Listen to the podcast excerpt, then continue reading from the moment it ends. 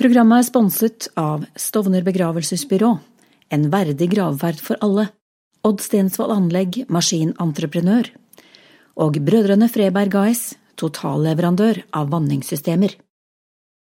Velkommen til Evangeliesenterets magasinprogram på Radio 316. I dagens magasin skal vi møte Hans Erik Roth, som gjennom hele sitt liv har vært opptatt av musikk. Her forteller han hvorfor og hvordan. Mitt navn er Terje Kingsrød. Velkommen til magasinprogrammet fra Evangeliesenteret. Jeg elsker det pianoet her, men eh, det er ikke helt glad i meg. Jeg satte varmepumpe bak her, så det er ganske surt. Men det er et nydelig piano. 100 år gammelt. Det er noe jeg liker, vet du.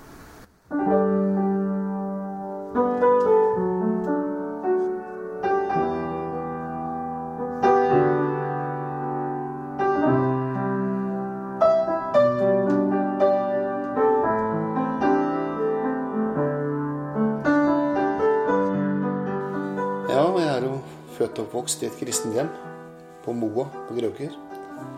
Og eh, det var mye musikk i hjemmet vårt. Pappa spilte mandolin, da. Så eh, var det mye kassegitarer og trekkspillgreier i møtene. Jeg har vel aldri vært så veldig glad i trekkspill, for å si det sånn, men det er en annen sak. Men eh, så er det det med Jan, broren min, er åtte år eldre enn meg. Han begynte jo tidlig å spille i band og sånne ting, og det ble jo selvfølgelig veldig forbilde. Så musikk har liksom alltid betydd noe for meg. For det hette visst fra jeg var liten gutt, så sto jeg med én finger på gamle piano, og så sa jeg nei når jeg spilte feil. Så det liksom har ligget der i alle år, da. Ehm, Dette med kristent jeg er jo takknemlig for hva jeg kommer fra med familien min og foreldrene mine og dette her, men eh, jeg syntes det var veldig trangt. Alt jeg hadde lyst til, det var synd og fi og uff. Det var, jeg hadde hår helt ned på, på skjortekraven, så var det veldig langt. Og hadde olabukse, så var det feil. Og fiska du på søndag, så var det feil. Liksom. Det, det, det appellerte ikke direkte, for å si det pent. Men eh, heldigvis har jo det blitt veldig annerledes i dag. Men det gjorde at jeg, jeg følte det var aldri noe plass for meg i kristen sammenheng. Og med å spille og synge så mener jeg det jeg gjør. Jeg lever meg inn i det. Og da kan det hende at jeg både gaper til ene gangen og svetter den andre gangen. Sitter ikke rolig. Og det har også vært veldig mye sånn kommentarer på da, for å si sånn. Så nei, så det Jeg var vel veldig klar over det at eh, kristen, nei, det skulle jeg kanskje bli nedover en 100 cirka, lå i sjukesenga. At nå, nå skal jeg dø, da får jeg gi meg over, liksom. Det ble jo ikke akkurat sånn, det.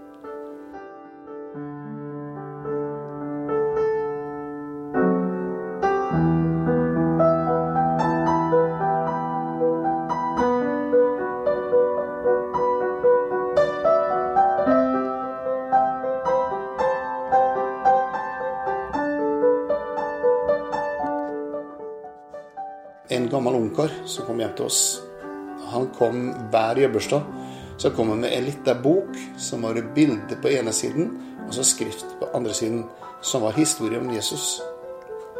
Eh, Jeg ble veldig fascinert av det, for han, eh, han viste meg en omsorg med det, og jeg fikk et bilde av en Jesus som var glad i barna, og var for dem. Men da skal du høre noe rart, som jeg har opplevd mange andre også har opplevd, at de samme folka som kanskje snakka om Jesus Hvis du ikke oppførte deg ordentlig, så sa de ja, men Gud ser det. Gud skal tukte deg. Ja, så jeg fikk jo et bilde av at Gud var stor og farlig, og streng, og bare ute etter å ta meg. Og det har jeg oppdaga at det er veldig mange andre som også har den samme oppfatninga. Men uh, dette Når jeg da var ute og spilte med band og, og drakk og sånt i gamle dager, så jeg gikk nesten aldri en natt og la meg uten at jeg folda hendene under dyna, liksom. Så du må ikke komme ennå. Jeg, jeg vil til deg, men jeg er ikke tøff nok, liksom. Uh, så det, det lå der. Men jeg hadde veldig frykt for Gud. Så når jeg da ble kristen, etter noen år, så fikk jeg se at Jesus sa jeg gjør bare hva min himmelske far viser meg. Jeg tenkte her må være noe feil. Han durer bare godt. Så da gikk det opp for meg lyset der at det er jo Gud som er god.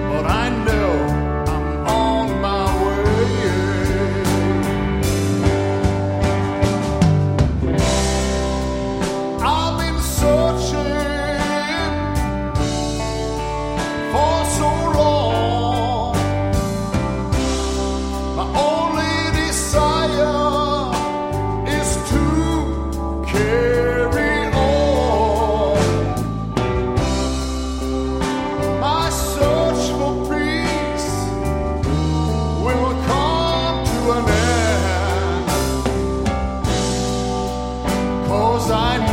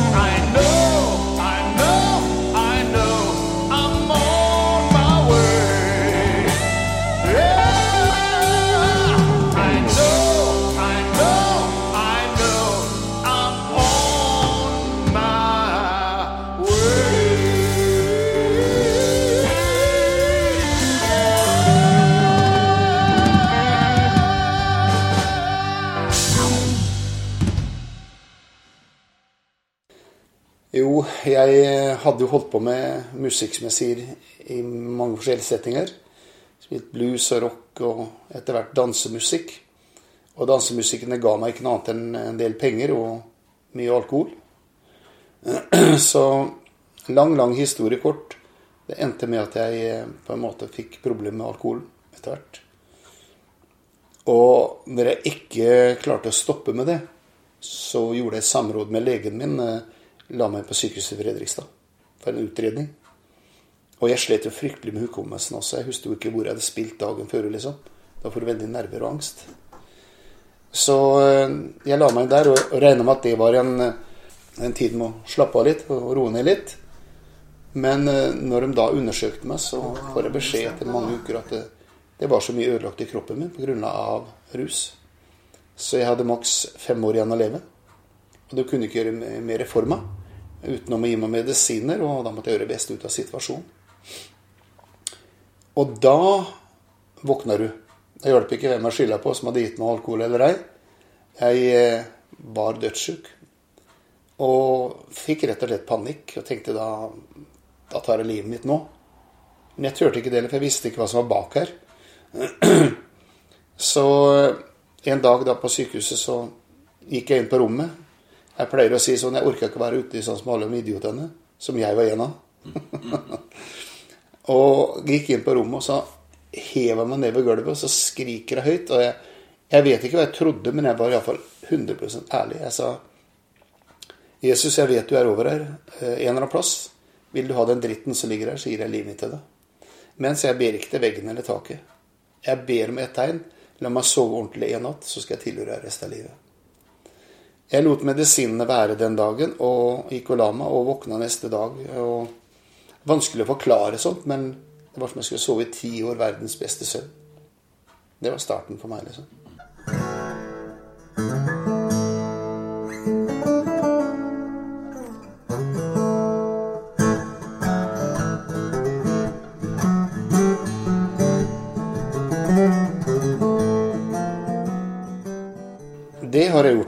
Men som jeg har lyst til å si, det, det var ikke bare å trykke på en knott, og så var alt fint. Det var en lang prosess å komme videre. Mye sånne negative tanker om seg sjøl, ikke noe verdt og alt det greiene da.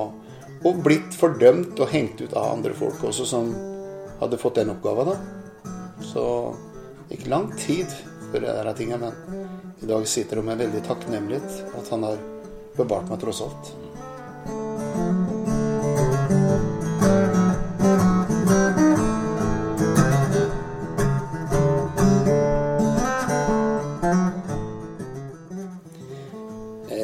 Jeg må skylde mye på Jan. For han, eh, han kjøpte seg jo gitarer og ting og holdt på, ikke sant? og det er selvfølgelig påvirkning. Så var det jo sånn i oppveksten at eh, vi hadde jo et piano hjemme, så jeg brukte jo det en del. Og så gitarer var en del av. Vel å merke sånn som var en sånn strenger fra halsen. Så måtte jeg nesten ha jerngrep for å få en akkord. Men det var noe av starten min. Og så, så husker jeg det at uh, Jan slutta i Aunt Mary. Da setter det svære sitt hjemme i stua, orgelet. Og så sier han at 'jeg kjenner deg, for, du får komme her, for jeg viste deg åssen du starter'. For du lar ikke deg være i fred. Da skulle han tilbake til Danmark igjen. Det skulle stå på Moa. Og så Jeg vet ikke hvordan jeg skal forklare men å ha et kjempesvært Hammond og Leslie og alt sammen eh, disponibelt på den måten, det var et eventyr. Men eh, eventyret har jo ikke alltid lykkelig slutt. Gikk en stund så måtte Jan selge det. For han trengte bil og hadde liksom etablert familie i Danmark. Så da gikk jeg dårlig lenge. Og så Per Ragnald, som har vært en redning for meg med mange ting gjennom tiden. Da fikk jeg kjøpt et, eh, et transportabelt Farfisa-orgel med en super Leslie til. Og det låt veldig fint.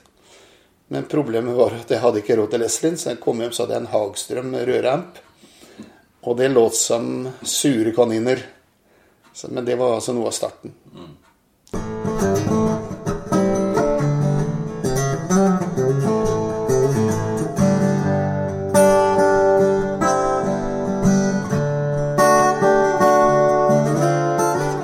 Eh, For mange år siden så var jeg med broren min til London. Skulle spille inn eh, Roots, plata hans. Og vi hadde lagd demoen til den i musikkrommet mitt på Moa, så da var jeg litt involvert i det. Og så kom jeg dit bort, så spanderte han amerikanske produsenten Ray Nino flott middag på oss. Og der ble jeg matforgifta. Og eh, da ble jeg så sjuk ut av de tinga der.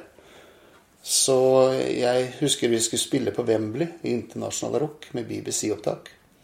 Og det var én gang i livet. Jeg kommer ut fra sånt. Så jeg, jeg hinka, hinka. Jeg klarte nesten ikke å gå, for jeg hadde sånn podagra i store to av det. Men dit skulle jeg være med.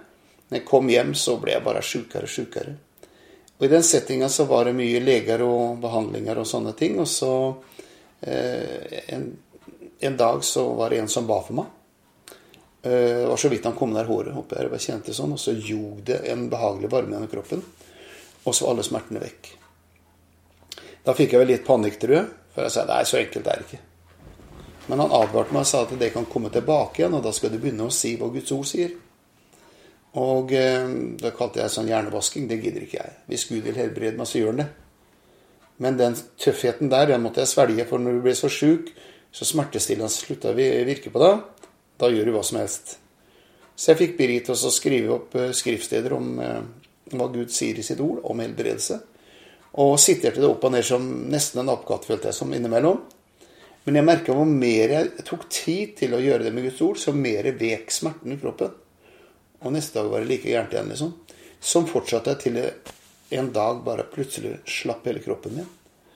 Og da kom Arne Lund til meg og så sier han at du skal spille inn en plate. Og da tenkte jeg har en del stoff liggende som jeg hadde lyst til. Men når jeg ba over det, så opplevde jeg helt tydelig det kom Hvis du vil spille inn noen av de eh, tekstene som jeg hjelper deg med gjennom Bibelen, så skal jeg gi deg melodier til det. Og det har vært voldsomt mange menneskers hjelp. Derfor ble den plata spilt inn.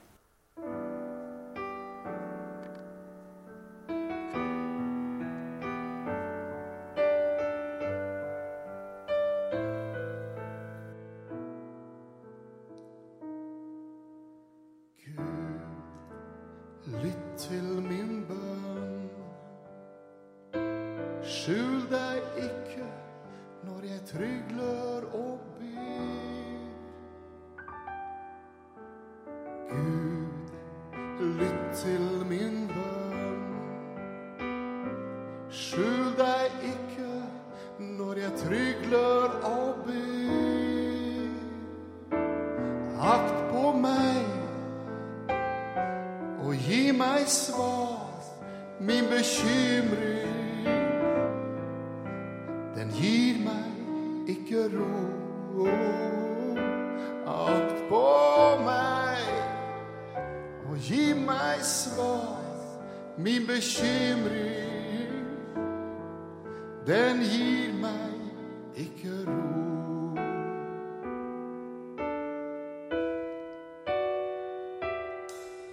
Min sønn, ta vare på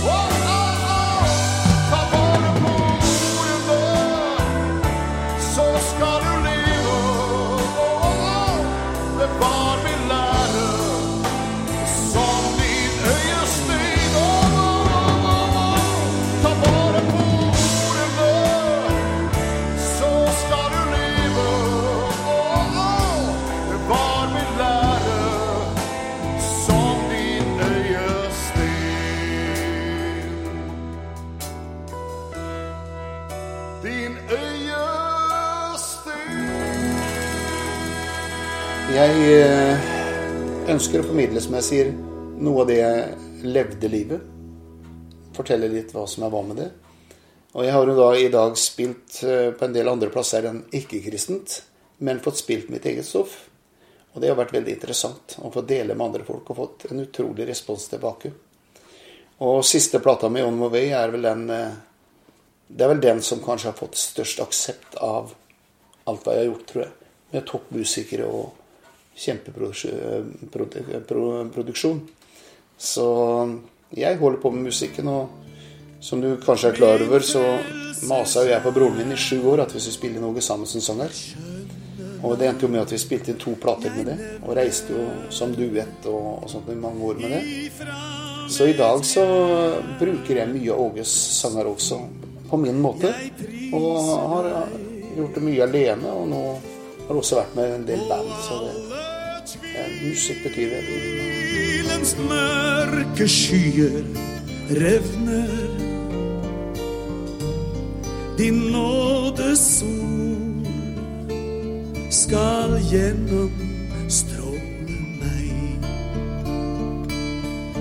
Jeg er Eh, Jeg ser det er på en måte et mangfold med å kunne kjøre sånn som jeg gjør med Åge Samuelsens sanger. Jeg kan spille mitt eget stoff og være med andre folk. Jeg prøver å spre det så godt jeg kan. Du vet, sånn som Evangeliesenteret har jeg jo vært med og hjulpet og spilt i mange år. Eh, Fra små plasser til at vi har spilt på Stortinget. Eh, Jeg ønsker på en måte å kunne Hvis det er til noe hjelp, så ønsker jeg å stå med. Og jeg mener en plass sånn som Evangeliesenteret, der du ser så mye folk få hjelp, så kan det fort drukne i mengden. Men jeg også opplever at noen verdsetter det, så det har gjort at jeg prøvde å være med og støtte det så mye jeg kunne. Here I am once again. I'm standing here alone. Eternal from far above. Reach my thirsty soul. A silent touch, noiseless words keep flowing from time has gone, I'm all alone.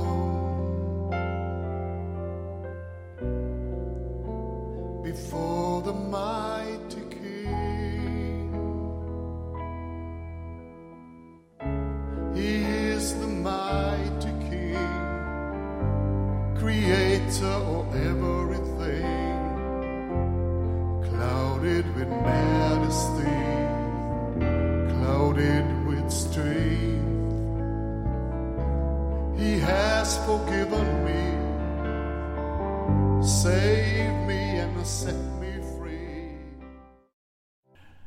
Du hørte nettopp et intervju med Hans Erik Roth, musiker og sanger gjennom mange år. Vi minner om Evangeliesenterets møte på Radio 316 klokka 22 i kveld. For å hjelpe en rusavhengig å komme inn på evangeliesenteret, eller bevare rehabiliterte når de kommer tilbake til samfunnet, ser Evangeliesenteret nytten av å utvide kontaktnettverket. Vil du være med og gjøre en forskjell for noen som trenger det? Bli med på Evangeliesenterets regionstreff på Evangeliesenterets kontaktsenter i Grensen 1, Arendal, 14. mars klokken 18. Her blir det orientering om nettverksarbeidet og hvilke behov Evangeliesenteret har for å hjelpe flere. Skriftlig påmelding innen 5. mars til post at evangeliesenteret.no. Velkommen til deg som vil gjøre en forskjell for de som trenger det mest.